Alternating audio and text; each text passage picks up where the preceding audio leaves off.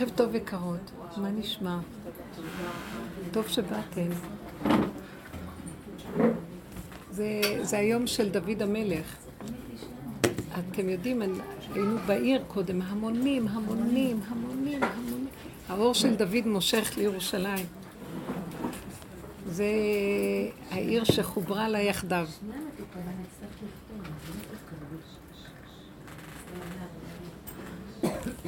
אנחנו בעצם, אה, הסתכלתי על הדרך שלנו, שאנחנו כולנו חברות בדרך, רובנו כאן.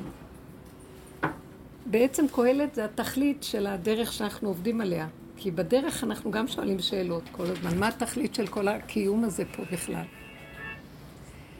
ו...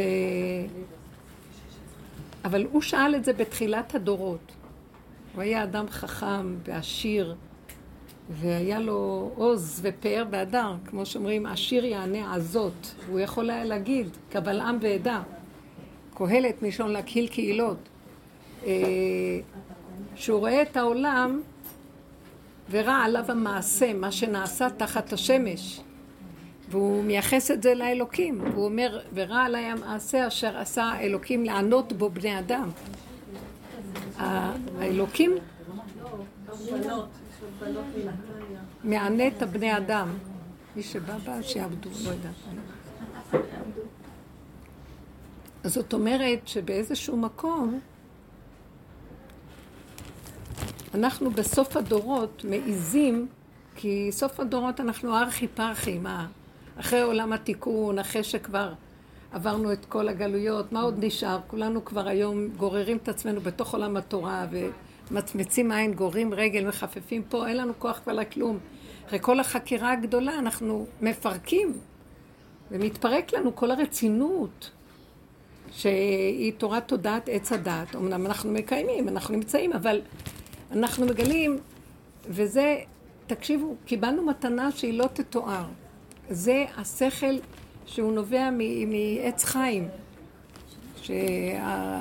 שהאריזה להוריד והבעל שם טוב השתמש בו וכל גדולי עולם. שבעצם אנחנו באמצע, חמודות, קחו מה שיש ותשבו. שאנחנו בעצם אולי ניתן את הכיסא שלי ואני אעמוד. לא, לא, לא משנה לי. תשאירו דלת פתוחה. שאנחנו באמצע, שאנחנו קולטים בעצם שעוד קהלת שואל שאלות, ואנשים, אני רואה את התלמידי חכמים מהמשפחה, כל מיני, הם שואלים שאלות ואומרים, כן, פס, העולם, באמת, נכון, מה, זה משונה. אנחנו תופסים את השיטה שלנו ואומרים, מה משונה פה? הכל זה בגלל שאנחנו, יש לנו כפתור, תוכנה כזאת שממנה אנחנו כאן חיים. והתוכנה הזאת, הדרך שנתנו לנו היא לפרק את התוכנה ולראות בעצם מה אנחנו לוקחים ברצינות החיים פה. החיים פה הם גלגל שאין לו סוף. זה גלגל יסד ארץ על מכוניה, בל תימות לעולם ועד. זה מכונה שמה שהיה הוא שיהיה, ואין חדש תחת השמש, ואין יתרון לאדם בכל עמלו אשר יעמול, כי ברגע שהוא בא לתקן משהו, אחרי כמה זמן הוא כבר עוד פעם, בלי משים, הוא גם מקלקל, ואז צריך עוד פעם לתקן, ואז אין אדם מת וחצי תאוותו בידו. הוא מסדר לו איזה מדרגה, ואז אחרי כמה זמן הוא אומר לו, המדרגה הזאת לא מספיקה לי, אז הוא הולך לחפש משהו אחר. השיג לו איזה סך של ממון, שמח, ואחרי כמה זמן הוא אומר, לא, אבל זה לא מספיק, צריך עוד משהו אחר. וככה כל החיים נע ונד. בתוך כל המציאות הזאת של אין לה סוף. ואחרי שהוא מזדקן, הנה ההוכחה הכי גדולה. איפה כל החוכמה שלו? איפה כל מה שהוא עשה? כל כולו מסכן, נהיה אה, מה שנקרא דימנציון, דימנציה. והמצב שלו, הוא שואל, שואלים את האדם, איפה כל הגדולים? איפה כל הגדולים שהיו פה והלכו? ומה התכלית שלהם בכלל? מה התכלית של כל המציאות פה? וזה ספר קודר. שמים לנו אותו גם בסוכות, אני בכוונה פותחת מהספר הזה. שמים לנו אותו בסוכות, שזה זמן שמחתנו. מביאים לנו כדרות כזאת.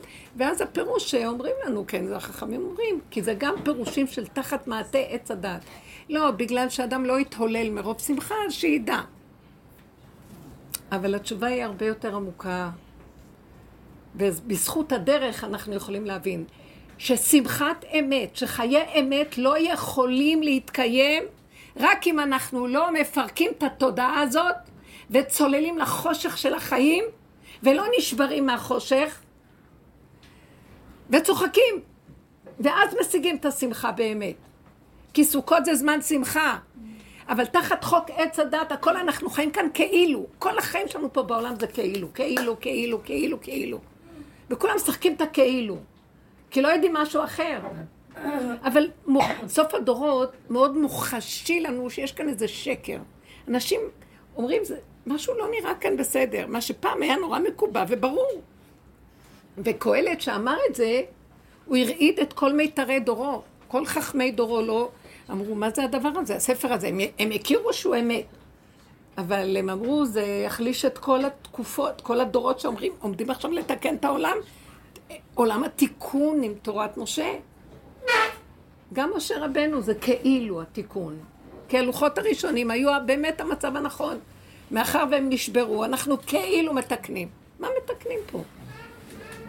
אנחנו לא מתקנים שום דבר. ראיתם מה קורה בסוף הדורות? כל העולם אין. אם היו עוד פעם מכבדים איזה משהו, היום כלום, לא מכבדים שום דבר, הכל אפשרי, הכל אפשרי, מין שלא במינו, גירושים, זה הכל, ילדים מתפרקים, מה שעושים. מי שיש לו איזה נקודה עוד שמחזיק, מחזיק, אבל באמת, באמת, גם בליבו שואל שאלות. אז חכמי דורו רצו לגנוז את הספר הזה. וכאילו, מה שנקרא חזקיה וסיעתו, שהם היו בזמן הגמרא, אה, שהם ביררו את הדבר ואמרו, לא, לא, לא, לא, לא, אתם לא מבינים איזה עומק יש פה בכלל. לא רק שלא יגנזו אותו, אלא הוא קדוש, ויקראו אותו בסוגות, של זמן שמחתנו. בגלל שאם רוצים להשיג שמחת אמת באמת, וזה המסר, חייבים לרדת למצב של יסור ישרניה עד המוות, והוא לא נתנה לי למות. ולא נתן. לא, הוא יסור ישרני, וזה יהיה עד המוות. כמעט הרגשתי שאני הולך למות. אבל הוא לא נתן לי. מה זה אני הולך למות? מה פתאום? תודעת עץ הדעת עושה לנו כאילו אנחנו הולכים למות. הוא הרמאי השקרן, שכל רגע אם משהו לא הולך לנו, הולכים למות. הולכים למות. מתייאשים הולכים למות. כל היום אנחנו הולכים למות. אני המתאבדת הראשית, כל היום ממית ומחי, ממית ומחי, כאשר אני לא ממית ולא מחי, והכל כאן סרק ודמיון. תנשום ותגיד תודה שאתה נושם. מה אתה עוד רוצה מהחיים האלה בכלל? שכל של העולם, של תודעת עץ הדת, הורג את העולם, וזה האיסורים של העולם. עכשיו, אבל בכל אופן, שלמה המלך, שהוא אומר את זה, ואנחנו קוראים, אני לא אכנס עכשיו בזה. וואי, שאלות גדולות. וראיתי אני את המעשה אשר נעשה, ורע עליי המעשה. זאת אומרת, עשו כאן, הבן אדם כאן כבול, מסכן האדם, שלא ברצונו מגלגלים אותו לתוך העולם, מלבישים עליו את הכפתור של תוכנת עץ הדת, ואומרים לו, חטאת, אז אתה עכשיו לרוץ. מה הוא יודע, מסכן? גם אדם הראשון, כמה שהוא לא עשה מה שעשה. זה עלילת דברים, הכל מכוסה, בכוונה שהשם עושה את הכל. ככה אומר כך אומר קהלת, הכל מאת השם. ואדם הולך בתוך זה, ומריצים אותו, יאללה, נכנסת לגלגל, טראח, מכאן לכאן. מכאן, עת כזאת ועת כזאת, ויום כזה ויום כזה, וזמן כזה וזמן כזה.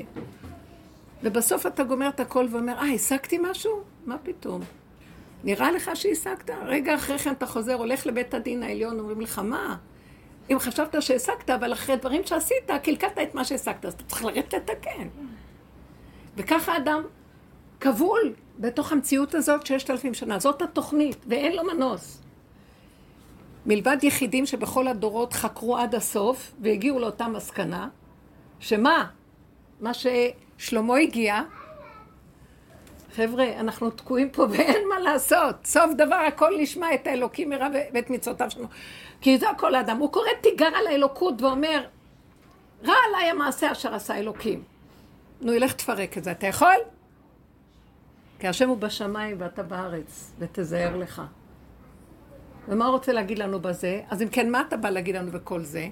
חקרתי, ראיתי את הכל. נו, חבר'ה, אני אומר לכם, בסוף, תשתקו, אל תיקחו את החיים ברצינות. הוא נותן לנו בסוף, הספר הוא קודר. בסוף הוא אומר, אל תיקחו את הכל ברצינות. לך אכול בשמחה את לחמך, שתה את יניך, כי רצה אלוקים את מעשיך. די להיות רציני, די לחשוב שאתה הולך כאן אה, לתפוס מלאכים ולהתחיל אה, לסדר לך מדרגות. אין כאן שום דבר, אף אחד לא יוצא כאן עם כלום. אלה שיושבים כאן תחת הדמיון חושבים, ההוא יש לו מדרגה, הוא מדרגה ושואפים כמוהו. זה שכבר יצא ויש לו באמת כאילו איזה מדרגות, הוא יודע שאין לו כלום. האמיתי יודע, משה ענב מכל אדם. מה שהוא לא עשה, הוריד תורה, הגיז להם את הסלב. הוריד את, המ... את המן, הוריד. ענני, מה לא? באר, הכל בזכותו. ובסוף הוא אומר, ונחנו מה? אין לי כלום. השם אומר לו, שתוק, ככה אני רוצה. אין לך שום... הוא ראה את uh, רבי עקיבא קושר כתרים שהוא עלה לשמיים להביא תורה, הוא ראה מתחילת הדורות עד סוף הדורות. והוא רואה יש אדם כזה חכם על כל נקודה אחת מהתורה שמשה הביא, זה כבר אין זמן בתורה, אין מוקדם מאוחר, הוא ראה את כל הדורות, אין גלגל הזמן באמת מעל השמש. ואז הוא אומר, על ידי, על ידי אתה מביא את התורה, תביא על ידי רבי עקיבא שהיה חכם שאי אפשר לתאר. מבין דבר מתוך דבר, מתוך דבר, מתוך דבר, מתוך דבר. על כל מילה אחת היה מביא מיליון משל, מיליון אפשרויות. תילי תילים של הלכות. אז אמרתי, תן על ידו, אומר לו, אתה תגיד לי מה לעשות, השם שתוק ככה עלה במחשבה. אתה תעשה מה שאמרתי לך ואל תוסיף לי שושל. ואל תדבר. שמעתם? איזה דור. מרדן אנחנו! יענו, יש לנו, אנחנו משכילים. כסילים שבכסילים לא נוגעים בקס, בטיפה של הטיפה של חכמי הדורות הראשונים והקדמונים. אין בכלל מה לדבר. ואנחנו פה הולכים, אני רואה, אני יכולה, בשולחן שלי יש לי כלות מקסימות, תלמידות חכם ובנים והכול. יכולה להגיד מילה, מישהו יקבל ממני? הם מקשיבים, הם מאוד מאוד, אה, הם מאוד מאוד, אה, יש להם כבוד ומעריכים. אבל הם לא נותנים לגמור לדבר מילה בלי שיש להם עשר השגות על כל מילה. הם לא יודעים להקשיב אפילו עד הסוף כלום, כי הם יודעים. הכל שטחי במוח, יודעים, יודעים, יודעים, יודעים, יודעים במוח. אינפורמציות. ירד ללב? עברתם ניסיונות של נקודה לראות? אני לא באה לבקר אותם, אני באה להגיד, זה מציאות האדם פה. והדור האחרון הכי קשה, מלבד בודדים שהסכימו לבוא לדרך הזאת, בעל כורחם, גם מי בכלל... אה, היו בנות שהגיעו לפני שנים שנים, כמה, שלושים שנה אני מדברת, נכנסו, ברחו, אחרי עשר שנים באו עם גוררות רגליים, אומרות לי, אין דרך אחרת, רק פה, רק מהבשר ראינו את המציאות. זו דרך אמת. אז מה הדרך של האמת? מי מוכן לחיות בעולם ולדעת שאין כלום, שהוא לא מציאות? וגם בסוף לצחוק, כי אין, אם אין מציאות, אז בשביל מה להתעצב?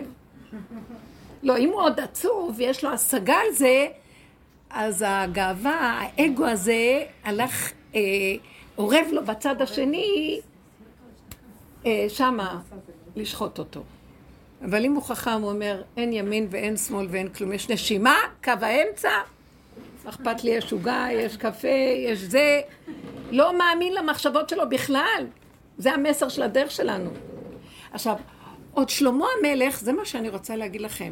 שלמה המלך עוד היה, הוא השאיר אותנו תחת איזה ענן קודר בספר הזה. והתשובה שלו היה דוד המלך, זה מה שרציתי לחזור. דווקא דוד שהיה לפניו, הוא עשה את התיקון של אחריו בעצם, אם אפשר להגיד תיקון. מה הוא עשה? הסתכלתי בהלל, אומרים את ההלל, כל הימים האלה של הסוכות. כן. הוא אמר, איזה דבר זה, פתאום זה נכנס לי חזק, הוא אמר, אני אמרתי בחופזי כל האדם כוזב, אני עניתי מאוד. אני, בוא נגיד שאין זמן, נכון? אומר, אני כמו שלמה, חקרתי גם אני, דוד המלך גם חקר, אין חכם אמיתי שלא חקר את מציאות הקיום הזאת, אין כזה דבר. חכמי אמת, אבל הם חכ... עבדו ביחידי לעצמם. שלמה בגלל ש... שהיה בתקופה של אה, מלכות שלא הייתה כדוגמתה. עוז ושלום וחוכמה וברכה והערצה, כולם העריצו אותו. אז הוא הרשה לעצמו. אבל דוד עוד לא גמר לחטוף מכה מפה, חטף משם, חטף מכאן, מאיפה הוא ירים את הראש בכלל? כמו שלמה, שכבר הוא היה התוצאה של כל המלחמות של דוד, וישב טוב על מלכותו בשלום. אבל דוד אומר, אני אמרתי בחופזי כל האדם כוזב. גם אני חקרתי כמו. ואמרתי, כדור הזה תקוע, כל האדם כוזב. הכל כאן שקר וכזב. לא נשאר כאן בשביל מה לחיות. ודוד יודע, כי הוא בהתחלה כולם מתלהבים, אני, אני אציל את הכדור, אני אגאל את העולם, אני אביא משיח, אני, אני אלחם, אני אעשה, אני אעשה, מה שהוא לא עושה.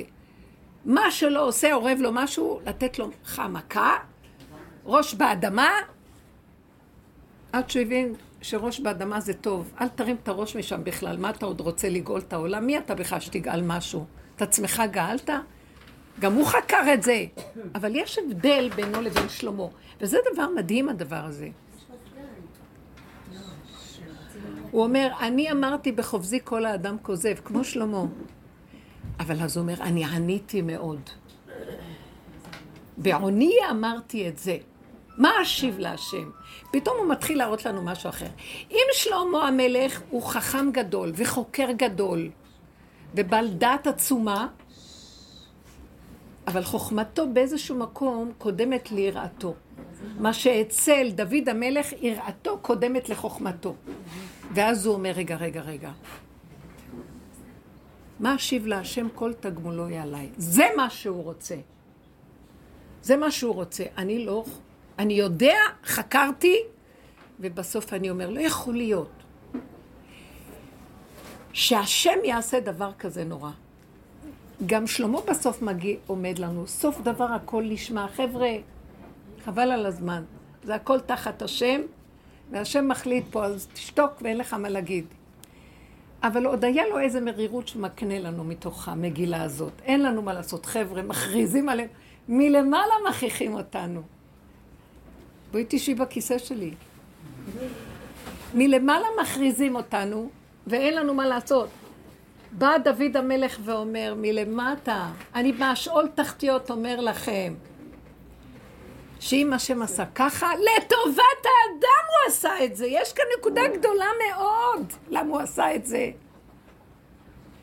טוב לי כי עונתי למען אלמד חוקיך. למה?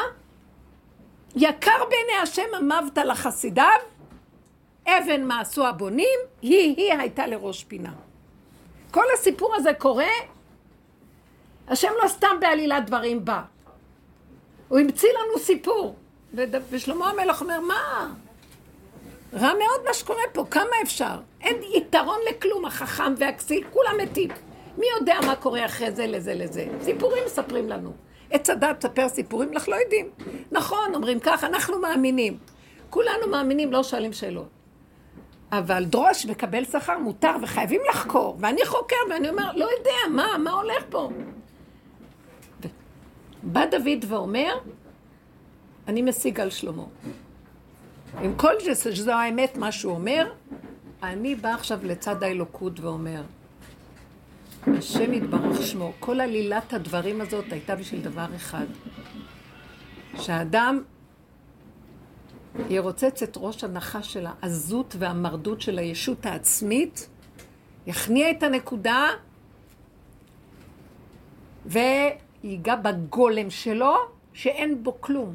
גולם, בשר ודם, ויעלם לו כל מה שהוא חושב שיודע, כל החוכמה שלו, כל המדרגות שלו, הכל.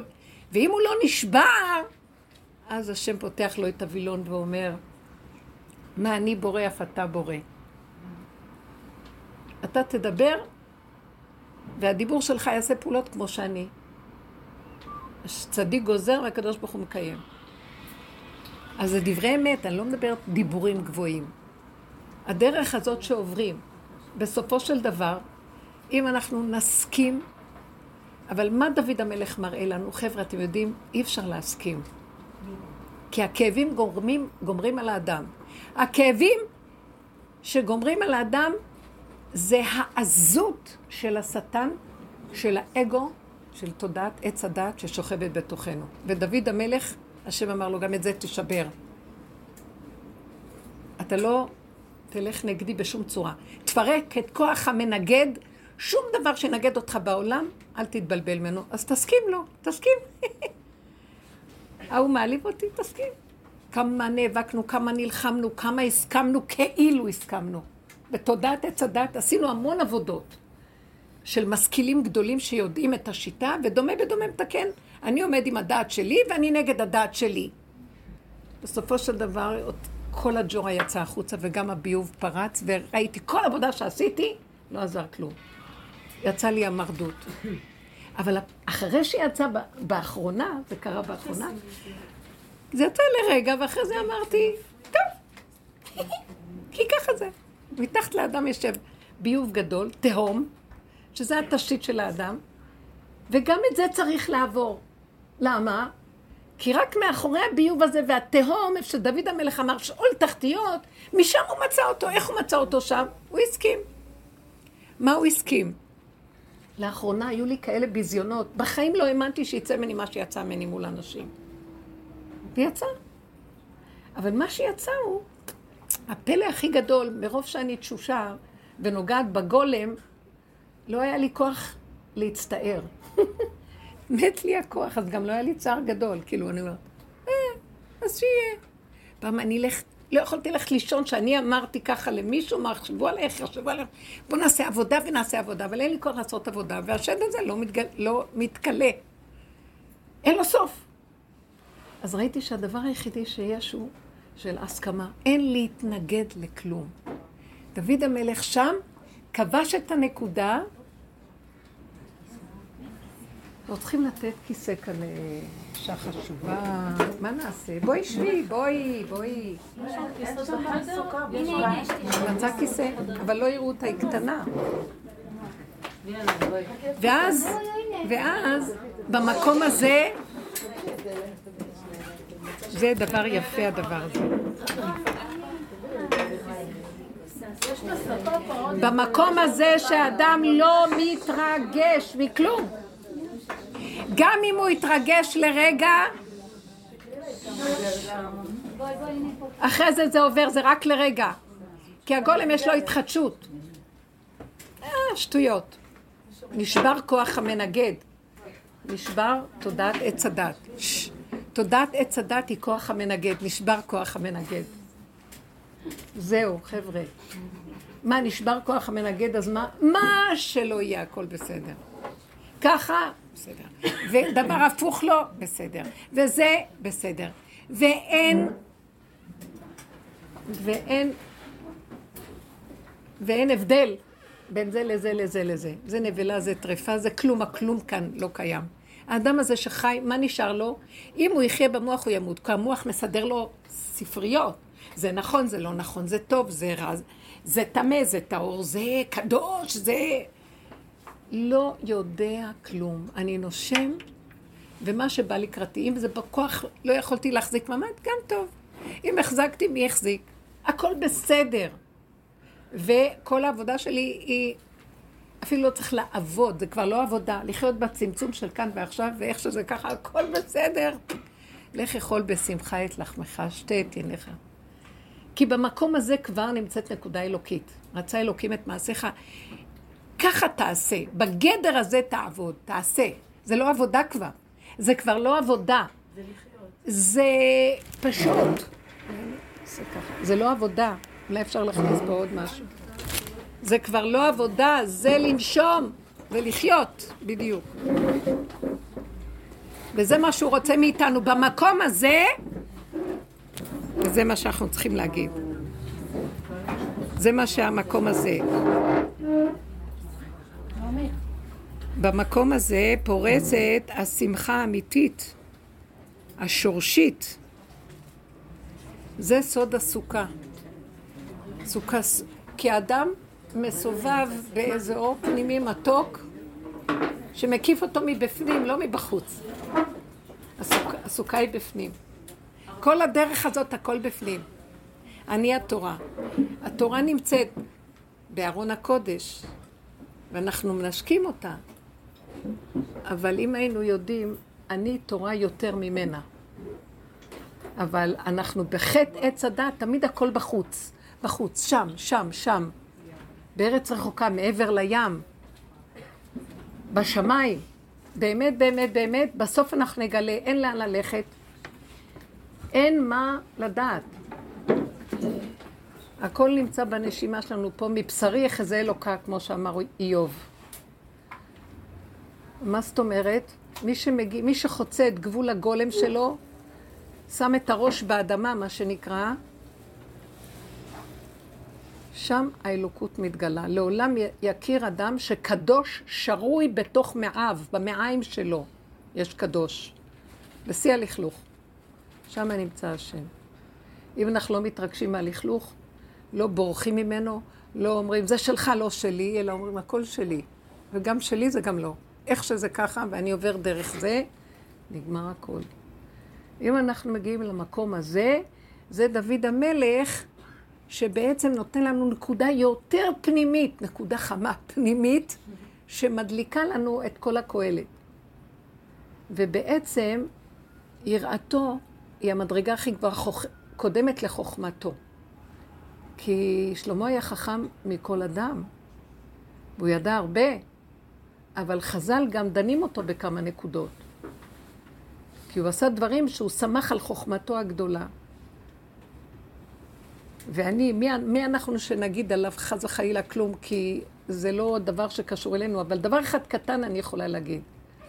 שהיום זה הערב של דוד המלך, ודוד המלך. השם אמר לו, אתה משיחי.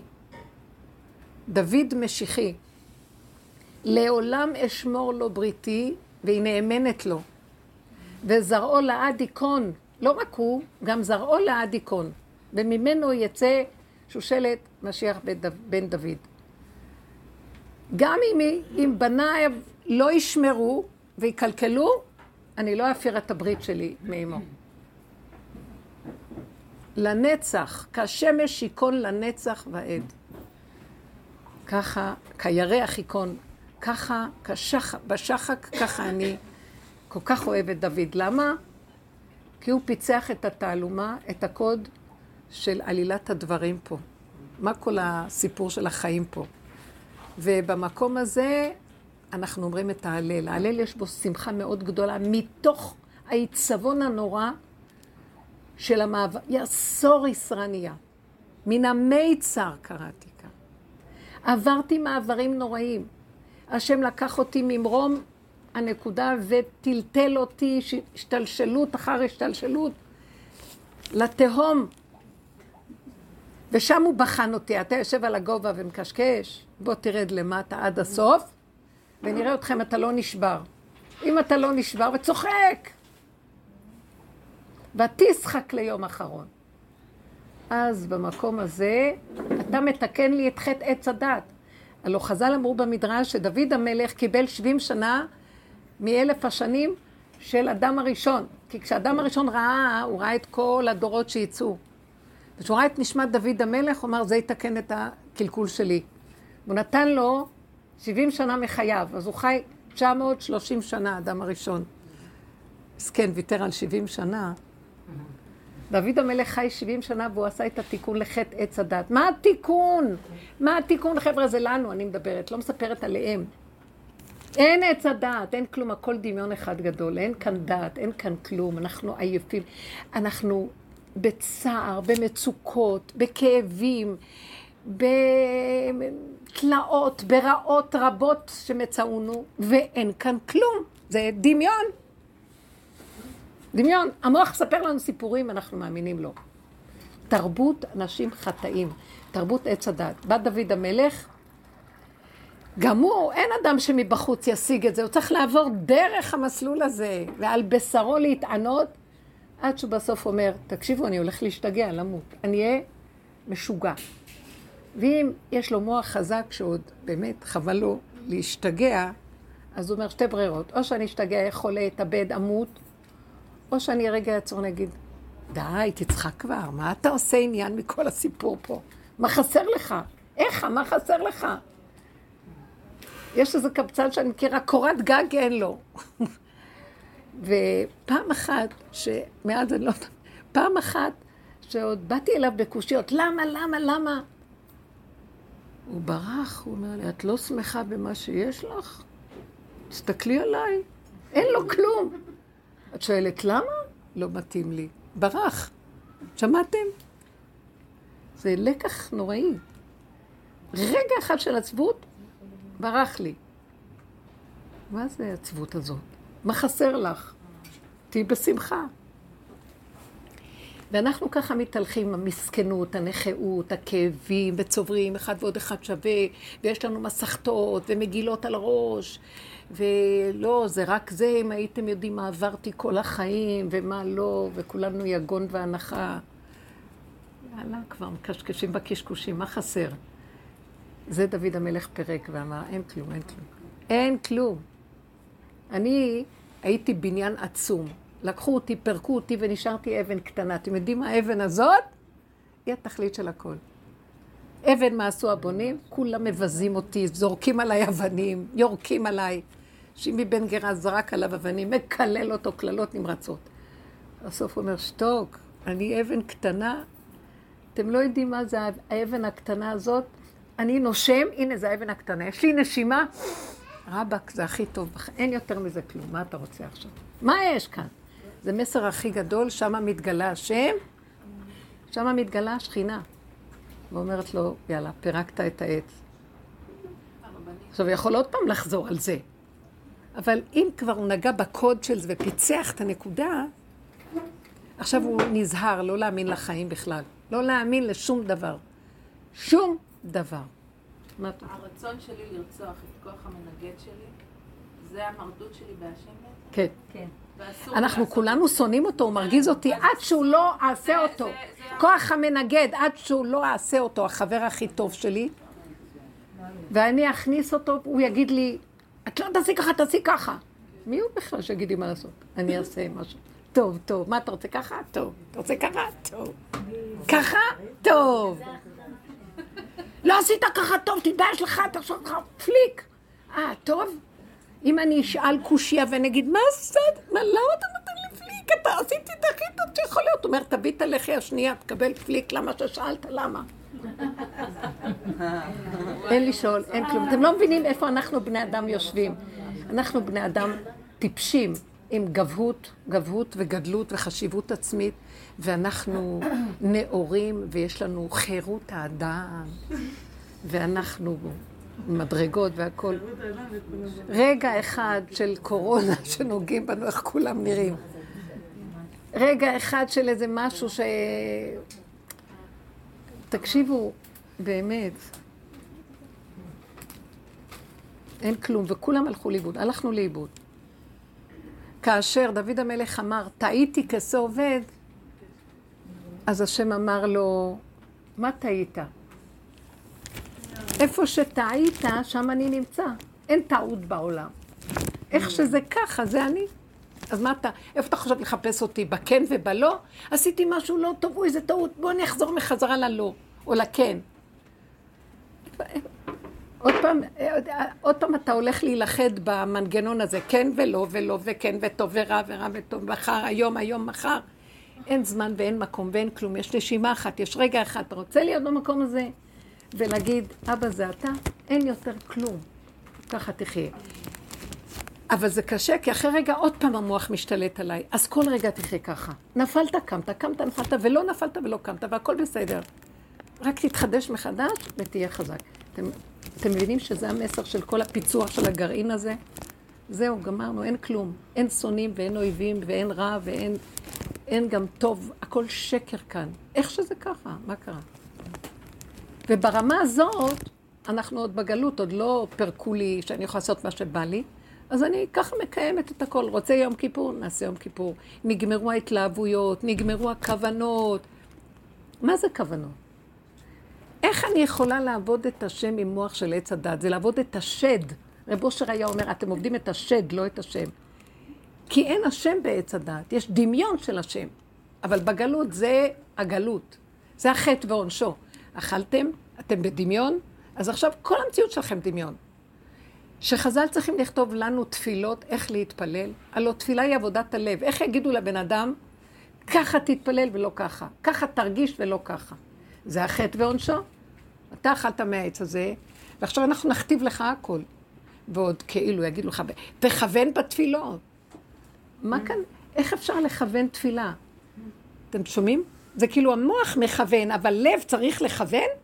הלב, מה שפורץ לו, זאת התפילה שלו. אם יש לו הכרת הטוב גדולה, אומר תודה, איך הוא יכול לכוון?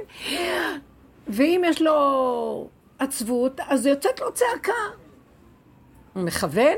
מכוון זה, הוא מתכוונן במוח, ואז הוא אומר, רגע, רגע, אל תתרגש עד שלא תכוון. עכשיו. אז זה תפילה? אז אתם מבינים שככה אנחנו מצווים לעשות את זה. וזה החטא שלנו, זה העונש. אבל אין לקרוא תיגר על הנהגה, כי ככה זה. זה מה שאומר שלמה המלך, כי ככה זה. נכון, אני רואה, והוא שואל את השאלות האלה, הוא אומר, זה לא נורמלי, איך אפשר? מי שמחפש אמת זה אמת, אבל שתוק, ככה גזרו עלינו. ואז הוא משאיר אותנו שככה גזרו עלינו ואל תרימו ראש. בא דוד ואומר, ככה גזרו עלינו? זה הכי טוב מה שגזרו עלינו. כי כאשר אני לא לוקח, אני בסוף תופס את הנקודה ויורד עד למטה ומפרק את כוח המנגד, הוא אומר, מה שאתה רוצה. הכנעה על הכנעה על הכנעה. כי מה אכפת לי?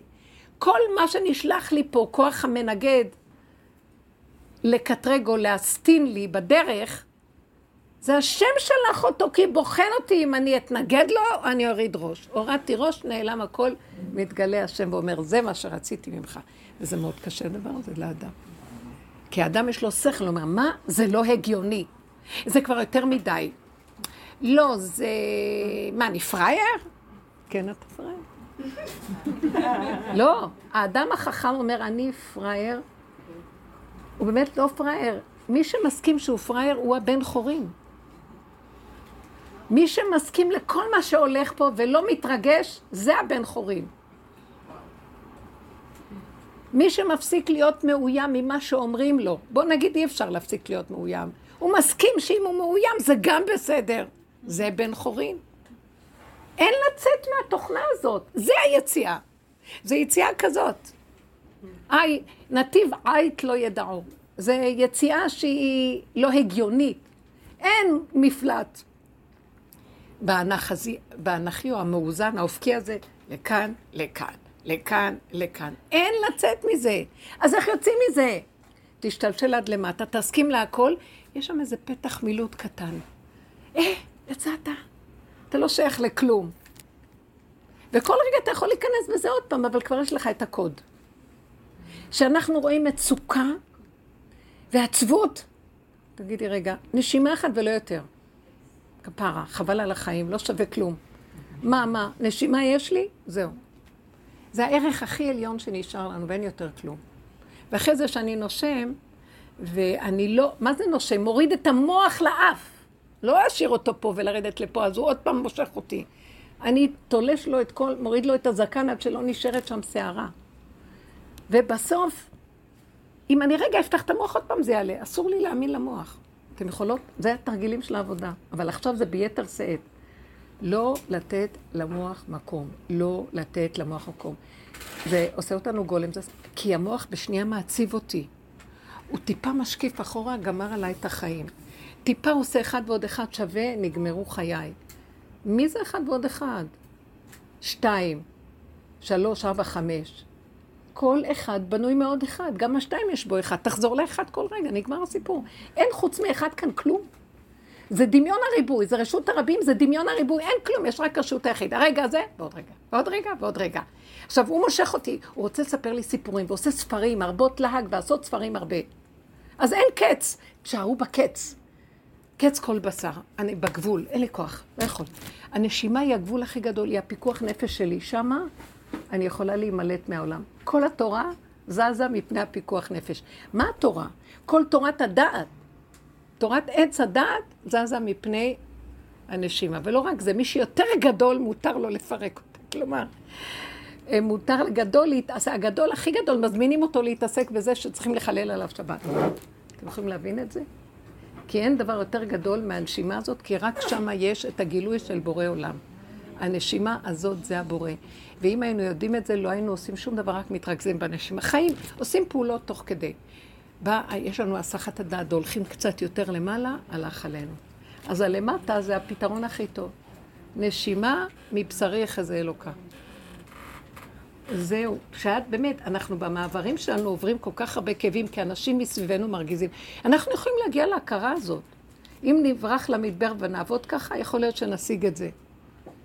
אבל מה נעשה? תקעו אותנו בתוך המשפחות, בתוך הזוגיות, הגוזיות הזאת, בתוך הילדים, בתוך המציאות של החיים. אתם יודעים משהו? אם נאמין לחיים נמות.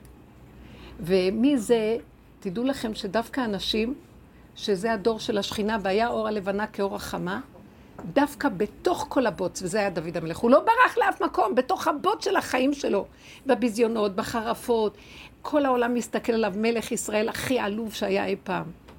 מרננים אחריו, רכיל ולשון הרע, אין עליו, לא מעריכים, אויבים ושונאים מכל הכיוונים, והוא לא ברח. הוא נשאר בנקודה ונמלט לתוך הנקודה. הנשימה שלו עם בורא עולם. אה, לאן נלך? ואני ראיתי, אין לי לאן ללכת. אלף פעם חשבתי, אני אברח למדבר, אני אפרק את הבית, אני אפרק את הילדים, אני אזרוק את כולם, לא סובלת אף אחד. יש מלא פתרונות בעץ הדת. זה פתרון זה? תזרקי, תרוצי, תברכי יומיים, כיף, אחרי יום תגידי, אף אחד לא אוהב אותי, כבר נשארתי לבד בעולמי, יאללה, תרוצי בחזרה לחיים. אין כזה דבר, אין לך מה לעשות. ככלב ששב על קיאו, אבל בתוך החיים עצמם, שהכל נמצא וכלום לא קיים. זאת התכלית. יהודה הנשיא היה עשיר כקורח, וכשהוא בסוף ימיו אמר, לא, לא נהניתי כלום מהאושר הזה, באצבע קטנה אפילו. לא היה חסר בעולמו, היה עשיר, ואומר, זה היה בשביל כולם, בשבילי אני לא הייתי צריך... איך בתוך כל האיסורים והכל, כל האנשים, הכל, כל התפקידים, אבל בתוך כל זה להיות את הנקודה הפנימית שהשם רוצה מאיתנו וקשור אליו. אז מקשקשים אותה בחוץ, מצאתי פתרונות. כאילו.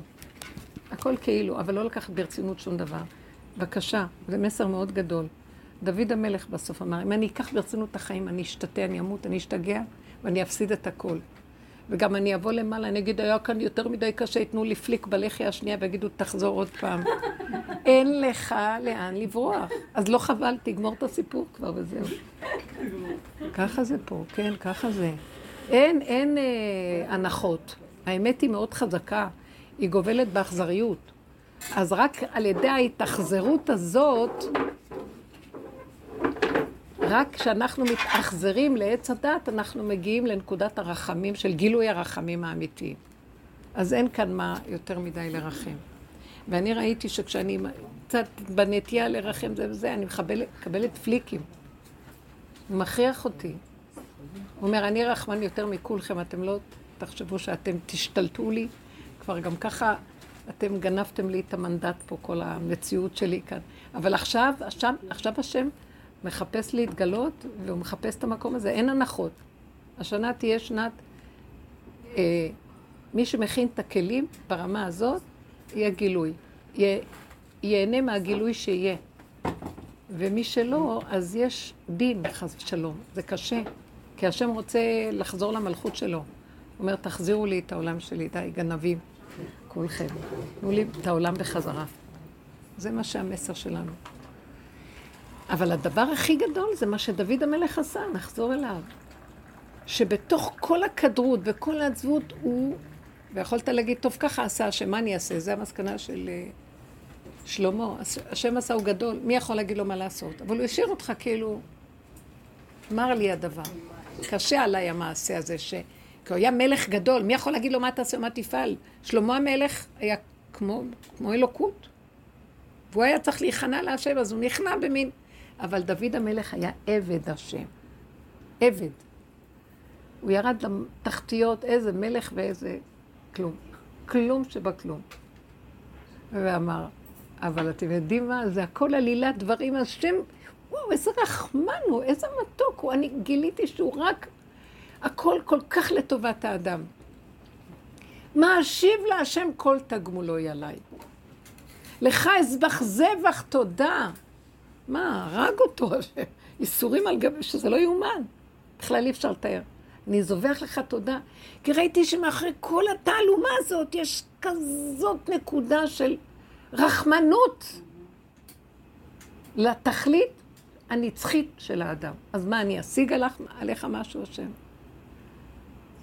זה המקום שדוד בעצם, הוא, כי תגידו גם שלמה, שלמה בנה את המקדש, הכל, אבל דוד, הוא הגיע לשפלות של השפלות, להסכמה של הכלום, לתחתית של התחתית, ושם הוא רקד בשמחה, עד שהוא לא ידע בכלל מי הוא ומה הוא ולמה הוא, וויתר על הכל, על הגדלות, על המלכות, על הכל, מה שאתם רוצים תעשו.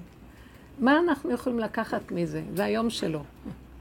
זה לא רק היום שלו, כל הדור האחרון זה דוד המלך. כל הדרך שלנו היא משם.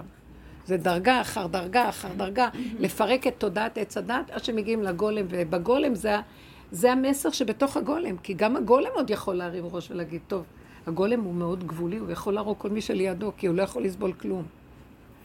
אז בתוך כל זה הצעקה היא ריבונו של עולם. גם לגולם יש עוד, זה לא גולם גולם, זה גולם שעוד יש לו אה, רשימו של דעת. והוא צועק, השם תציל אותי. אני אחריב לך את העולם פה.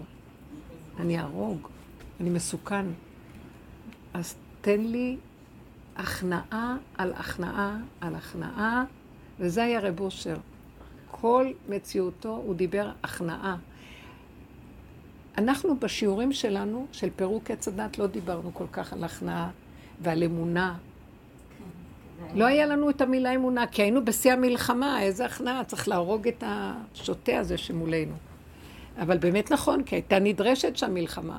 זה משיח בן יוסף בתוך העבודה. שהוא נלחם נגד השונאים שלו, משנאי השם אשנא במתקוממיו את קוטט. תכלית שנאה שנאתים לאויבים היו לי. מה שהיא אומרת עכשיו. אבל באמת בסוף הוא הגיע למקום אחר לגמרי. הוא אמר, אוי לי, אוי לי, כי גרתי משך, אני כל הזמן, אני בסוף אומר, טוב, תפסיקו להילחם כבר, אין לי כוחות, אני שלום וכי אדבר הם על המלחמה, כבר הגיע למקום שלא רוצה יותר להילחם, כי תששו כוחותיו. עד שהוא הגיע למקום שהיה חייב להסכים, להסכים על הכל, עד שהוא אומר, לך אזבח זבח תודה. מה אשיב להשם? אני אמרתי שכל האדם כוזב, חקרתי גם איזה עולם של שקר וכזב, אז אני רואה שמאחורי כל השקר והכזב, יש כאן נקודת אור מדהימה, שאם אני רק אכנה להתנגדות, כוח המנגד שיש פה, שזה השטן שהשם שם לנו, יצר הרע, שטן, אז משם אני אפרק את הכל ויצא מפה, עד שהוא יהיה חבר שלי. הנחש היה אה, משרת גדול של האדם בגן עדן לפני החטא. שם אנחנו צריכים להגיע, שהוא ישרת אותנו. וזה רק על ידי זה שניכנע להכל. אבל מה זה, זה את לא נכנעת למה ש... לשוטה שמולך, ול... את נכנעת לכוח ההתנגדות של עצמך, לכוח המרדות, לכוח הנרגנות. לכוח העזות, לכוח ה... תיכנו.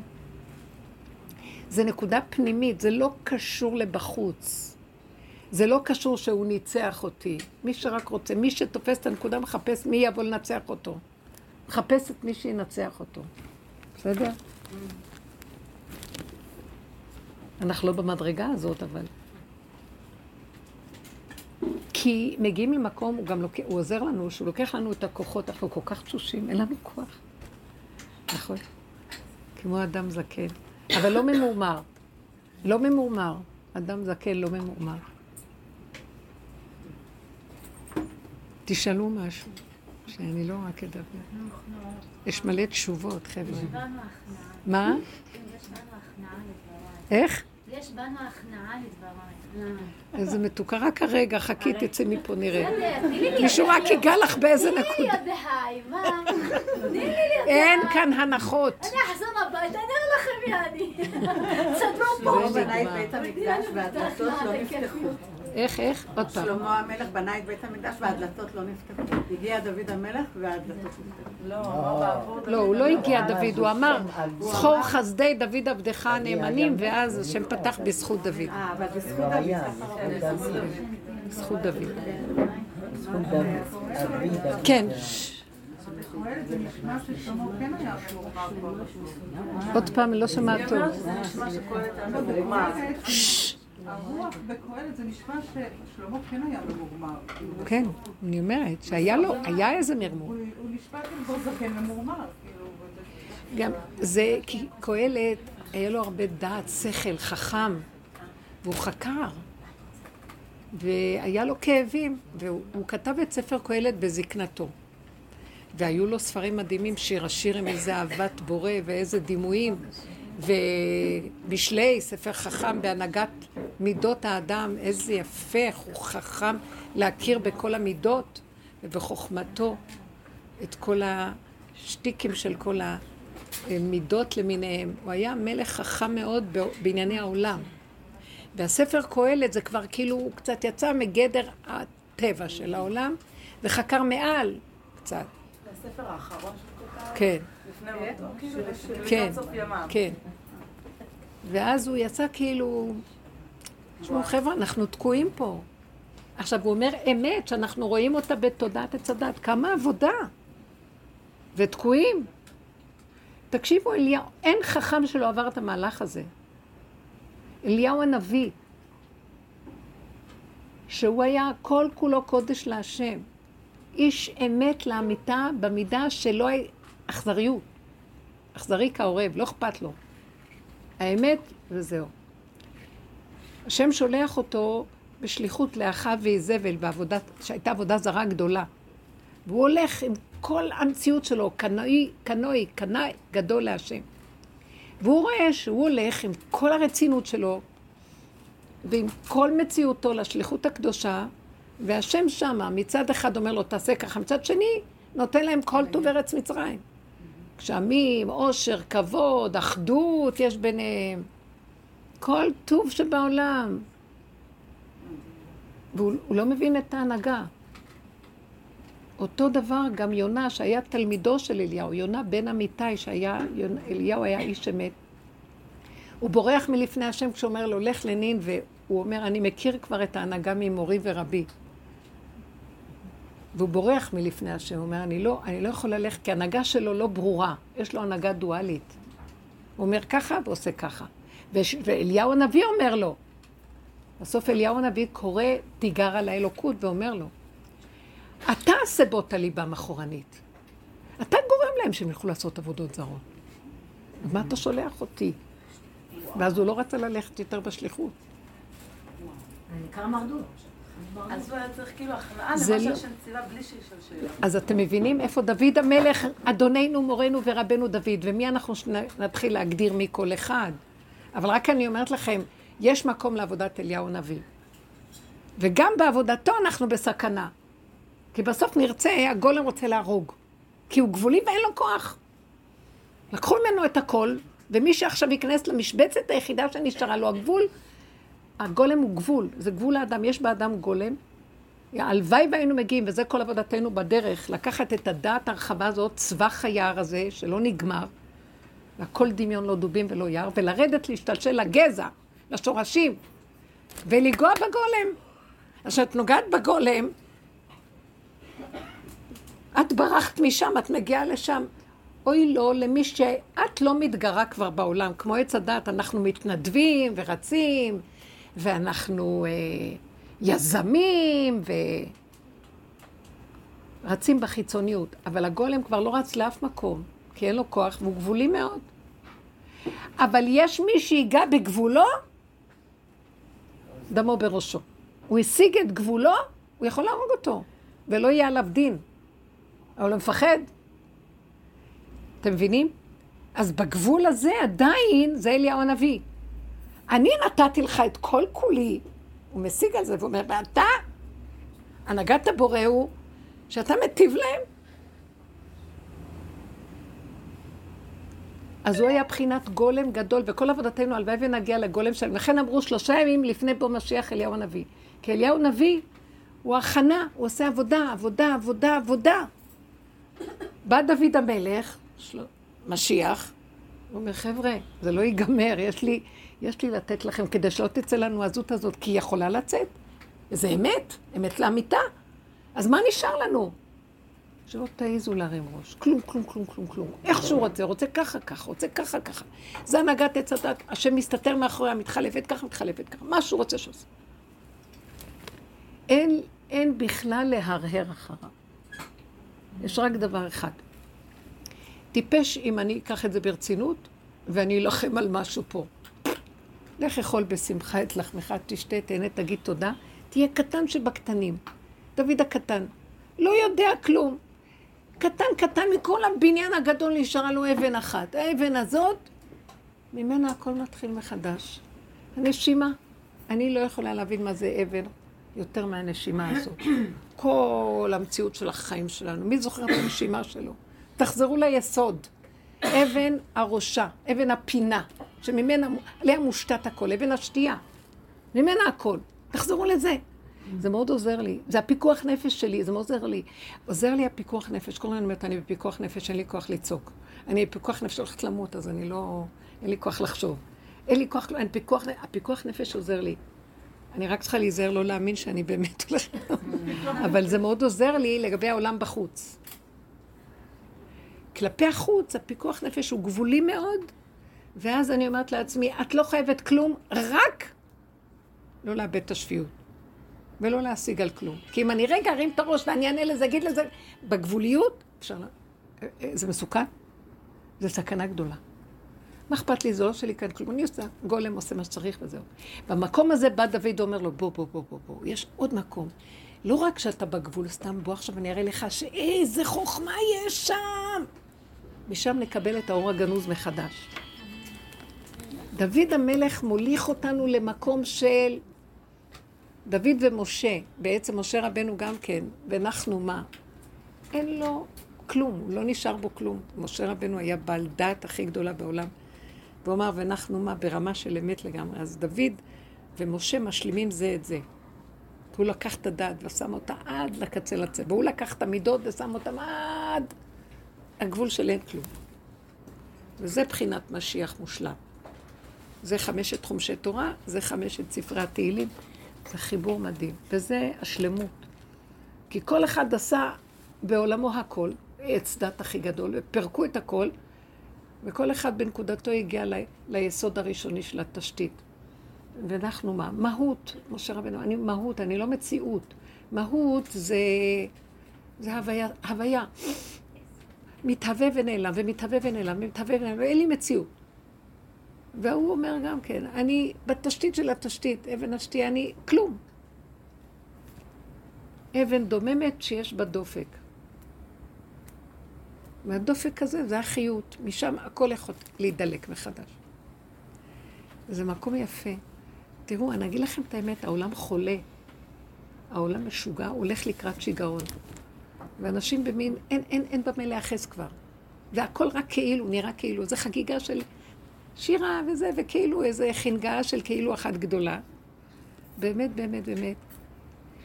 שיגיעו גלים יותר חזקים ואין לאדם את הכיוון לאן להימלט, זה מסוכן. זה סערה, כמו שכתוב, אמרו שיהיה טלטול מאוד גדול וסערה, ומי שלא יחזיק חזק בנקודה של הבסיס הנכון, החבל הנכון, כמו שאומר ילקוט שמעוני, משלשל לאדם, השם לאדם חוט, ואומר לו, אחוז בקצה החוט, בקצה החבל, שאם אתה מניחהו אין לך חיים. אז לא יהיה כוח להחזיק אותו. הקצה של החוט שאנחנו מחזיקים זה, אני אגיד לכם משהו, אין חוט ואין מחזיקים ואין כלום. גם אני אגיד, אני אחזיק חזק, אני אחזיק יותר מכולם. אין שום דבר, יש נשימה. תחזיקו בנשימה. נשימה תצמצמו. כל פעם שבא לי איזה ניסיון ואני מתחילה, אז אני אומרת, רגע, רגע, יש נשימה? מה יש כאן פה? אין כאן כלום. תחזרי לנשימה. תוותרי על הוויכוח, תוותרי על זה. גם אם אני יוצאת ומתווכחת, אומרת איזה מילה או שתיים, אחרי רגע אני רואה, לא מקשיבים, זה חוזר עוד פעם, מתחיל להסתבך. נשימה, אין כלום. נשימה, אין כלום. ונניח שהשני ישאל, מה קרה? מה קרה? למה את uh, מפסיקה? כי אין לו קונטרה את מי לבלוע, והוא בשוונג של לאכול משהו, ואני לא מספקת לו את הסחורה, אז הוא לא דואג לי מה קרה לך. הוא דואג לעצמו שאין לו את מי לבלוע עכשיו. ואני לא, לא, אני לא אספק לך סחורות. אז אותו דבר בין, בין אדם לבין עצמו, לא רק מבחוץ. ברור. גם הקול שבתוכו. אותו קוד גם בתוך עצמו, אמרתי לכם, אל תאמינו למוח. אנחנו מאמינים למוח ולכל מה שהוא מספר לנו, המוח הזה. הוא מספר סיפורים, ספרים, הרבות ספרים, הרבות... הנה, אתם רואים? זה מזמן נסגר, זה רק כאילו. אין משהו, אי אפשר. אי אפשר להכיל, פותחים ספר, את לא יכולה להכיל כבר, אין ריכוז, אין... זה הכל בלה בלה בלה בלה בלה בלה, מה שאפשר. הגולם בנקודה אחת קולט נקודת האמת ונגמר הכל. קשה לי גם לראות את בעלי לומד תורה, קשה לי, אני לא יכולה לראות. זה לא קשור אלייך. כן, זה מעצבן אותי. לא, אבל זה לא? קשור. לא, לא, לא, לא. הגברים במקום אחר. כן. אחר. כאילו פעם זה היה התלהבות, היום זה לא. לא, אה, לימוד התורה הוא ערך עליון. כשלומדים את התורה, רגע מרימים את הראש ונכנסים לעולם, חייבים לסגור ולפתוח את הפתח של העבודה. ואם לא פותחים, ושם זה הנפילה, מה שרואים. אנשים באים עם ההיי של ההבנה וההשגה, והם באים לכבוש את העולם, וכל השקר יוצא. מאוד מאוד מסוכן. אבל בסופו של דבר, כמה שהוא יכול להיות שהוא יהיה שם ולא בעולם, יותר טוב. יש שפלות שם גם, זה, התורה עוזרת, עוזרת לבני אדם. אבל זה נכון שמי שאם אנחנו עובדות, זה משפיע, זה משפיע. זה משפיע. הגברים לא יכולים לעשות את העבודה של הנשים, זה קשה להם. יש סוג של גברים שיש להם נשמות של נוקבה, אז זה בסדר, הם יכולים. אבל אה, גברים רגילים שלומדים תורה זה לא. יכולה להגיד שיש גם שיעור.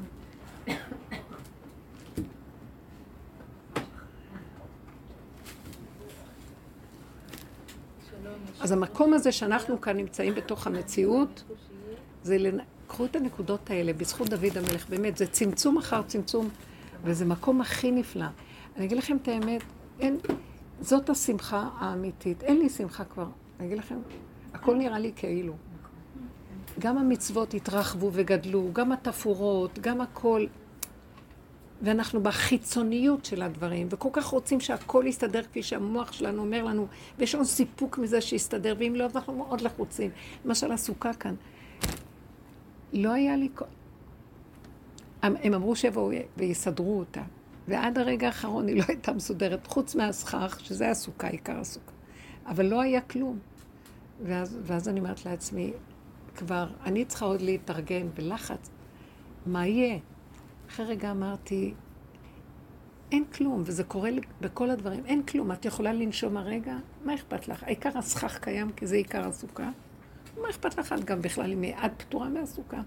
מדבר לדבר, פירקתי, פירקתי, פירקתי, מה אכפת לך? העיקר הנשימה, זה כל כך עזר לי. ונכנסנו לזה איך שזה. במשך הימים איכשהו סידרו אותה. זה היה נחמד, לא. שמחתי לראות שלא אכפת לי, כמו פעם, מה, ככה זה לא יפה, סוכה צריכה לראות ככה או לא ככה.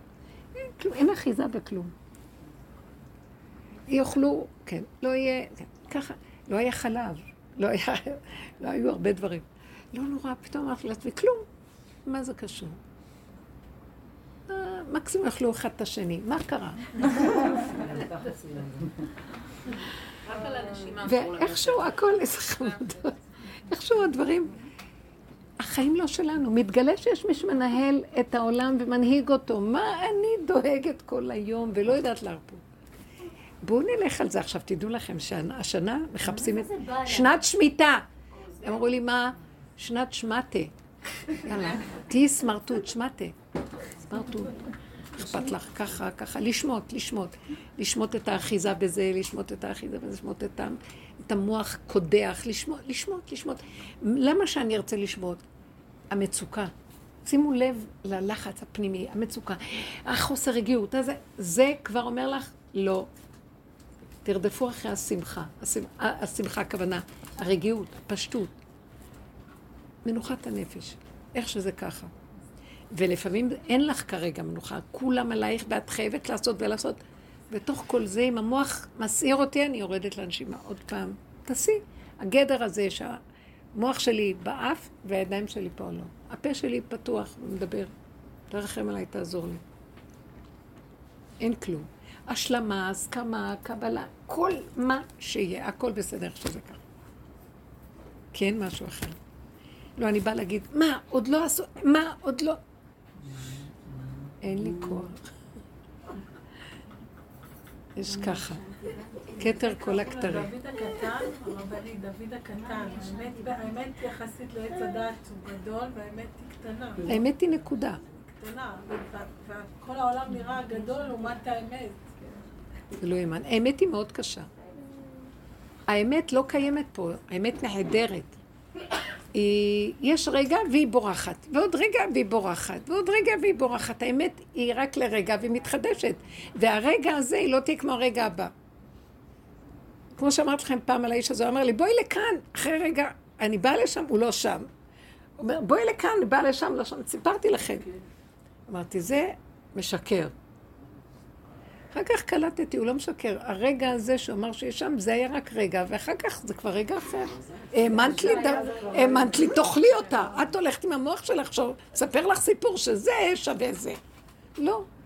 אני לא יודע, אין לי זמן, אני יש לי רגע אחד, והוא לרגע משתנה לי. וזה כל כך המם אותי לרגע, ואז הבנתי שכל הסיפור היה לראות דוגמה, איך נראה מציאות כזאת. קשה להכיל אותה. אבל כאילו, בתוכך תהיי ככה. בחוץ כאילו, בתוכך ככה. אין טענה, אין מענה, אין קובלנה, אין נרגנות, אין חשבונות, אין ביקורת, אין שיפוטיות. ככה וזהו. איזה חיים טובים, כן. על הרגע ועל היום, נגיד, הלכתי, בא לי לעשות קניות, בקול רם. הלכתי לעשות קניות של ירקות וכל זה עם השמיטה. הסתכלתי ככה בחנות, אז כתוב, זה אוצר בית דין, וזה ככה וזה ככה. הסתכלתי על זה, חשבתי לעצמי, מה כל הדבר הזה? פעם, מה, לפני, לפני הרבה דורות לא היה את כל הדברים האלה. אוצר בית דין, ו... והיתר מכירה, וכל... אכלו כן את הדברים שהאדמה הצמיחה, לא? מה, לא אכלו? מה, מה, מה כל הדבר הזה? תראי, אני לא, פוס... אני לא פושק הדור. אני יכולה רק להגיד לכם, תקשיבי רגע, מה... תראו, אני אגיד לכם מה אני ראיתי. אני גולם, אבל גם הגולם, הוא חי באיזה סביבה, נכון? יש גולם אה, שחי בסביבה כזאת, נגיד ערבי, יש גולם אה, נוצרי, יש גולם יהודי. תיתן אמת ליעקב. יש אמת, אבל יש אמת ליעקב גם.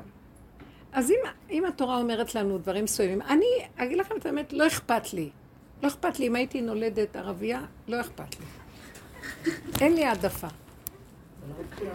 אין לי העדפה. אין לי העדפה כבר, הכל נעלם לי. נשארה לי הנשימה, ואם אני יודעת שבנשימה, אני מתייחסת לעם ישראל, ועם ישראל יש לו תורה. זה הכלל המנחה אותנו, זה כאילו, זה החוקה שלנו, החוק. אז יש חוק שאומר שנת שמיטה, וחכמים פוסקים לנו ואומרים, מסבירים מה זה שמיטה. כשהיינו בגלות העולם, אז לא היינו, לא היה מחויב שמיטה. באנו לארץ ישראל, גם השמיטה היא רק אה, מדרבנן, היא לא מדאורייתא כבר. אין שנת יובל גם. היובלות לא נספרים. אה, אני חושבת שמבית ראשון הפסיקו לספור, ואחרי הגלות של בית ראשון הפסיקו לספור את היובלות.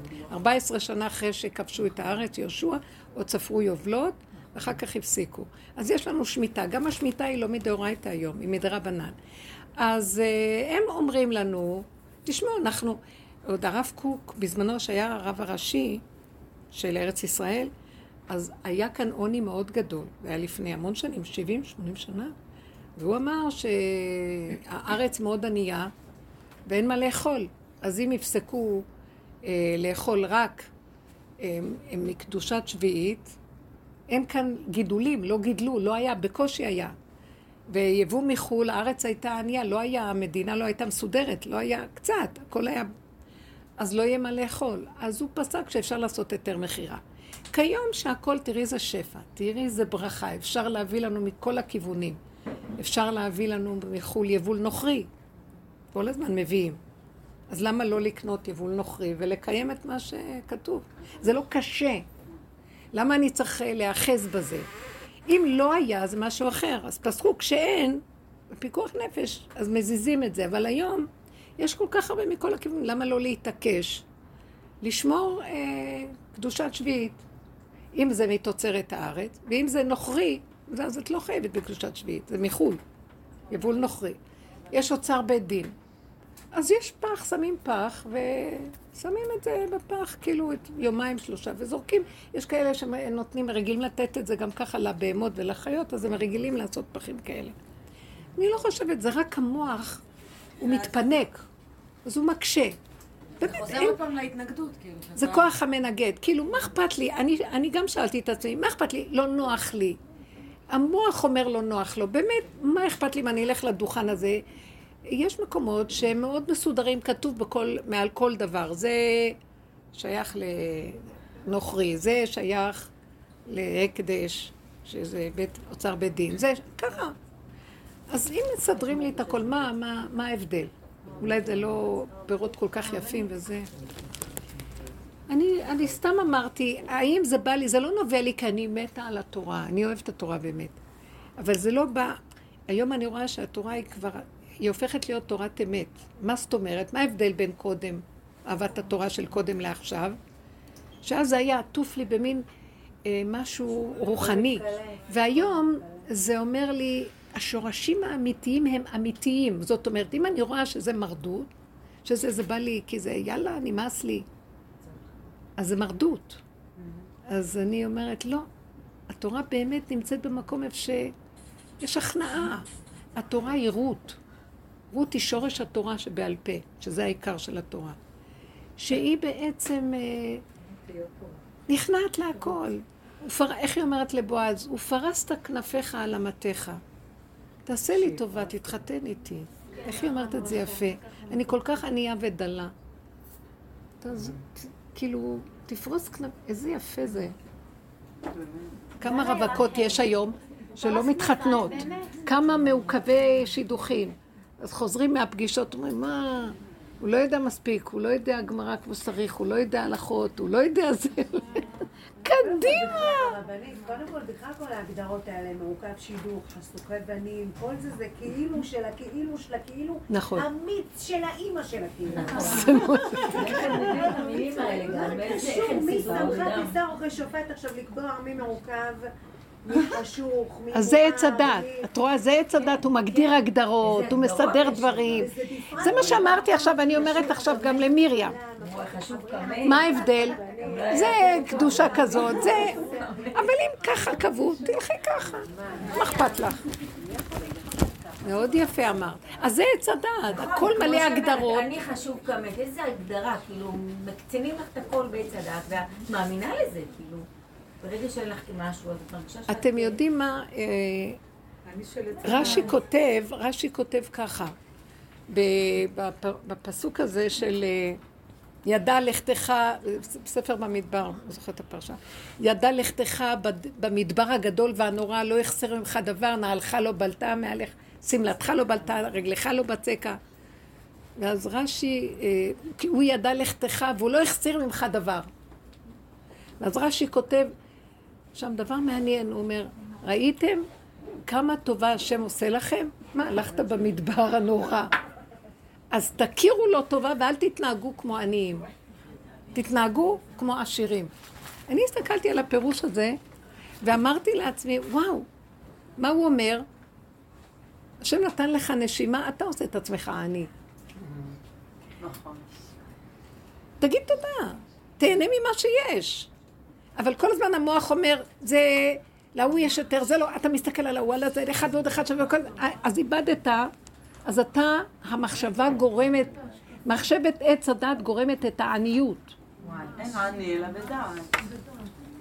העניות גורמת את זה, הדעת גורמת לנו, כי כל הזמן, אז זה כמו שהיא אמרה עכשיו, מעוכב שידוך, זה כל הגדרות. מי אמר?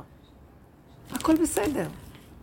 אם יש. אבל גם כן, יש בעץ הדעת, כשיש את ההגדרות האלה, גם הכל, יש עני, אז יש גם עשיר, אז יש כזה. אז זה מה שחוקר בעצם שלמה המלך. והוא אומר בעצם, כלום אין כאן. האדם, גו- ה- ההנהגה של העולם גורמת לאדם את המצב הזה, כאשר באמת הכל הבל פה. אז אין עניות. זאת אומרת, תראו להשם הכרת הטוב, תתנהגו כמו עשירים. מה הכוונה?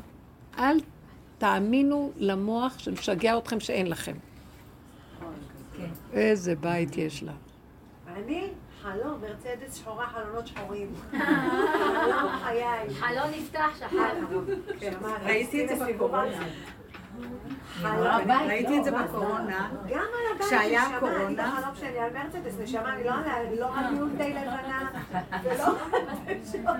משהו מיוחדת מאוד, מיוחדת מאוד, אמיתית מאוד. כשהיה קורונה, מדהימה. את מכירה אותה? כשהיה סגר הרבנית ולא יצאו מהבית. מה? מה, מה? כן, כן. שפגש עבד של איזה תנא או אמורה, זה כתוב בירושלמי. הולך לגינתא דסיסרא בלוד לקנות ממנו יבול... חכו רגע. כן. הוא הולך לגינתא, האדון שלו שלח אותו לגינתא דסיסרא בלוד, כי שם יש נוכרי, הוא רוצה לקנות יבול נוכרי, הוא לא רוצה להסתבך עם כל האוצר בית דין והכל. אז אליהו הנביא אומר לו, תחזור לאדון שלך, תגיד לו שסיסרא הזה רצח שם יהודים בשביל לגדל את העגבניות שהוא מוכר לך, ועדיף להסתבך בתוך עם ישראל. מאוד יפה, מאוד יפה. הרבנית, כשהיה קורונה, מאוד יפה. כשהייתה, היה קורונה, כן, אז בסופו הייתי של- בבית, והיה לי נורא כיף, היה בידוד. כולם. ואני כל היום בבית, כי בעלי כן יצא, יש לו אוטו וזה, ויוצא לי להיות המון המון שעות לבד לבד בבית. אז אה, היה לי נורא כיף. וכשכבר כולם יצאו, אז אחר כך אה, הייתי צריכה לשכב, אני לא יודעת מה היה לי, הייתי בבית, אבל כולם כבר יצאו, והייתי בבית, אז כל הזמן, וואי, אני לבד, אימא לדיקי, אימא לזה. כן, את רואה. אמרתי, מה? בגלל שיש למוח עוד משהו. תמיד זה שני דברים. וזה, וזה השקר. והוא זה שעושה לנו את כל הסיפור. מה אכפת לכם מה יש? אין כלום. תחיו באף, תורידו את המוח לאף. הדואליות הזאת מטרפת. היא נחשים ועקרבים. היא כל היום מכאיבה. היא אומרת, מה, מה זה מוקף שידוך? לא, ההוא התחתן, ההוא מוקף שידוך. זה הדבר והיפוכו. ואין, זה אני, זה השיר. זה הכל דמיון. אין שום דבר. אם האדם היה חי ושמח הרגע הזה, ברגע הזה הכל היה מסתדר לו. זאת אומרת, ברגע שהוא מסכים ומקבל ואין לו השגה על כלום.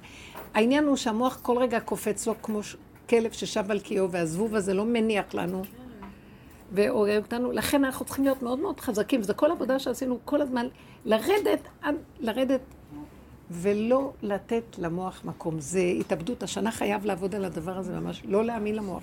לא להאמין. אל תתבלבלו, לא תהיינה טיפשות ולא אה, ינצלו אתכם מהעולם. אתם תהיו, אתם לא מבינים איך זה. האדם הזה שלא נותן, הוא מגלה חוכמה מהבשר, שיודעת איך לתת לו לחיות נכון פה. הוא יכול בין הטיפות להתהלך, והוא יגנוב את כולם ואף אחד לא ייגע בו ולא יגנוב אותו. מה זה יגנוב? הכוונה שמותר, מותר לנו לגנוב מהגנב. מה הכוונה? שכולם הולכים בטיפשות כזאת, והבן אדם רואה איפה יש נקודה חכמה, אני חוכמה, שכנתי עורמה, אני רואה את הנקודה, אני הולך לקחת והולך. ואין תחושה שרימיתי מישהו. כי אותו בן אדם אפילו לא יודע, הוא, הוא, הכל כאן רמאות, הכל כאן גניבת דעת. והחכם רואה את הנקודה, לוקח והולך. ואין לו בכלל כאן חשבון של אחד ועוד אחד שווה. יש קהל, מה עשיתי, לא עשיתי, אין. הוא יחידי בעולמו, ומקיים את מה שכתוב. לעולם יאמר אדם בשבילי נברא עולם ושלום על ישראל. השם אומר, ניצחת אותי, ניצחוני בניי. זה הנקודה של אמת. נקודת האמת היא חזקה וגדולה, והיא קיימת בנשימה. וככה צריך לחיות. יותר מדי אנחנו מחשבנים, ויותר מדי אחד ועוד אחד שווה, ויותר מדי העולם, ויותר מדי מה יגידו, לא יגידו, כן יראו, לא... אין, אין. המוח הזה הוא מה שגורם לנו את כל האיסורים, וגם את כל החולי של הקורונה זה המוח. זה ביסודו של הקורונה, זה כתר, זה אור הכתר. שיורדת לפה, זכה נעשה לו סם חיים. מי שיש לו כלים קולט את זה, חירות. מי שלא, שם המוות. חרדה, פחד. מהפחד הזה מעצמו הכל מתפתח ומתפשט ונהיה יותר גדול. והמצב כאן מאוד לא פשוט. צריך להיזהר מאוד מאוד. לא מכיר, לא יודע, לא שומע. מעצמו לעצמו שאדם לא ידע כלום. יותר טוב. אסור לך אפילו לזכור את המילה הזאת במוח, כי ישר מפתחת אה, אה, מה שנקרא שלוחות, גרורות, חס וחלילה. אין כאן כלום, אין כלום. נשימה וגמרנו, נשימה וגמרנו, נשימה ועוד פעם, ועוד פעם ועוד פעם. נפלנו, קמנו ועוד פעם, והקימה והנפילה כבר לא יודעים כלום. מה אכפת לנו? מה אכפת לנו? הלב צריך להגיע למקום שלא אכפת לו. ליבי חלל בקרבי, אז נקבל את השמחה של האמת. כי אי אפשר שתשרה שמחה. אה, הלב טיפש, אטום, שחל. זה שמחה שתלויה בדבר, בטל דבר, בטלה שמחה. כל הזמן זה ככה, תביא לי את זה, אני אהיה שמח. תעשה את זה, לזה, אחד ועוד אחד יהיה שווה את זה, אז כדאי לי. זה הכל חשבונאות, זה לא אמת. שמחת אמת היא נובעת מהנקודה הפנימית וזהו. רגע אחד וזהו. את יושבת בבית. קודם שהיה בקורונה היה כיף, כי כולם בקורונה. מה שנקרא נחמה, צרת רבים נחמת טיפשים. טוב, עכשיו היא התעוררה, כולם חזרו והיא נשארה בבית, וואי, אין לה חיים. שמתם לב? אז אסור לתת למחשבות מקום. שמתם לב שזה השקר הכזב. זה אני, זה אין לו. השם אומר לו, רגע, נתתי לך נשימה, תחזירו לי הכרת הטוב. אתה חי בעולם, יש לך נעליים, יש לך שמלה, מה אתה רוצה? תנשמו את הרגע ורק תגידו לו תודות כל היום, הוא יביא לנו עוד. זה סוד מאוד גדול. וצריך לסגור חזק, חזק, חזק את הדבר הזה של המשוגע. ואני אגיד לכם מה זה שכבר זה לא צריך לסגור, כי כבר אין לי כוח לעשות עבודות. אני תפסתי את המקום של פיקוח נפש. לא, אני חוזרת כל הזמן לגבול שלי, ואני אומרת, לא, לא, עוד לא אכלתי, עוד לא שתיתי, אני רצה, כמו איזה... שמה זה מציל אותי, בגלל שאז אני לא... המוח מתחיל אה, במיטבו להתפתח וטוען ונטען. אין כוח, כלום. ומאוד חשוב המקום הזה, הוא קטן. תעשו מה שאתם רוצות, לכו לחיים, לעבודות שבחיים, הכל, אבל תתנהגו בגדר הזה. זה כאילו משחק מול העולם, שאנחנו חיים בעולם, אנחנו מול העבודות שעושים וכל מיני, אבל לא ברצינות. העולם משוגע, דמיוני, וכאילו חשוב, והוא רציני. מה הרצינות הזאת? זה גאווה. אני קלטתי שבתשישות הרבנית מתגלה חוכמה אחרת שנקראת תושייה.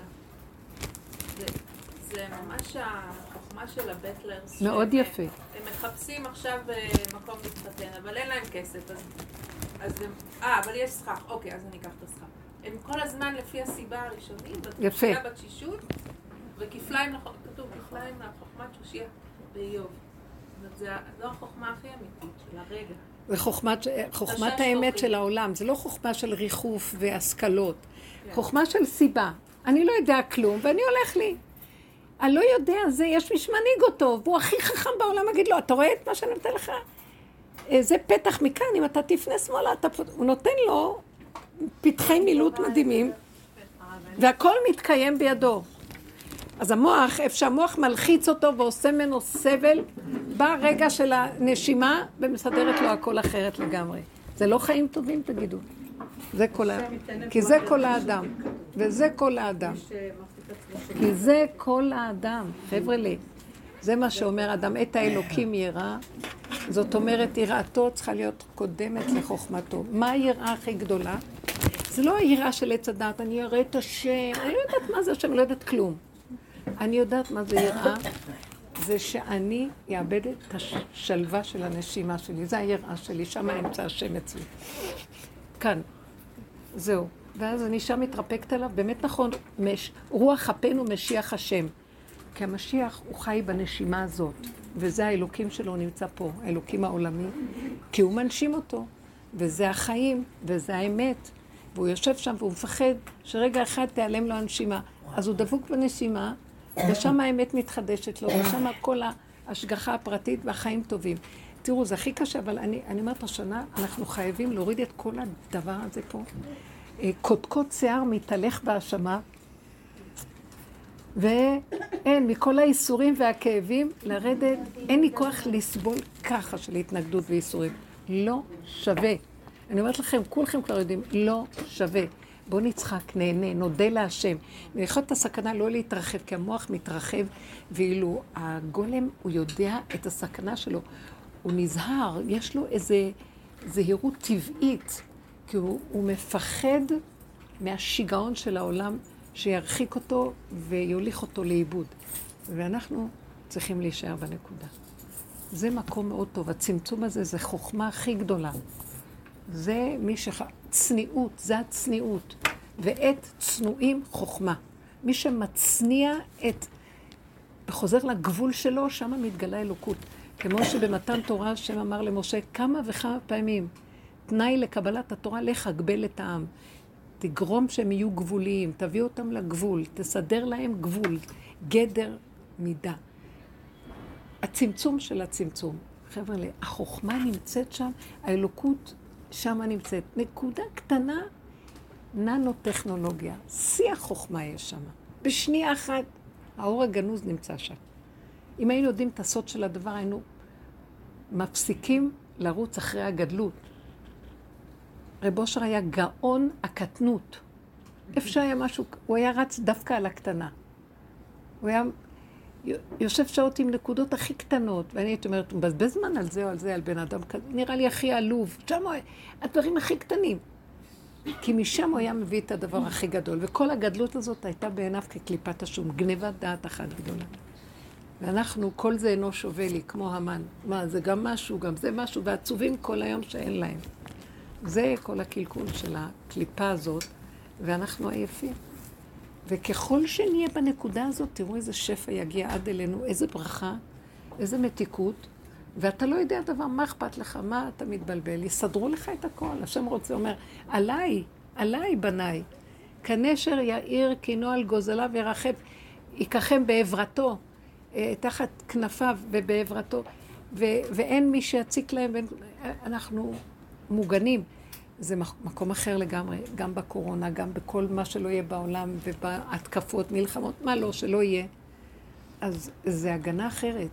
התודעה נמצאת במקום אחר לגמרי, לא תודעת עולם. זה דבר גדול. זה דבר גדול. הדרך מכוונת אותנו למקום הזה, ואנחנו בסוף הדרך. עכשיו כמעט נגמרת הדרך. נשאר הנשימה, והנשימה, הסיבה מוליכה אותה. גם בסלנג נהיה. איך? גם בסלנג של הנוער, של הזה, סוף הדרך, חבל על הזמן, כל המושגים האלה של הסלנג, כן. כאילו זה כבר, החיים נכון. עצמם, זה כבר, נכון. הם כולם בסוף הדרך, סוף הדרך, מאיפה כן. המילה הזאת הגיעה? נכון, סוף הדרך. נכון. נכון, הקהל מדבר ואומר דבר.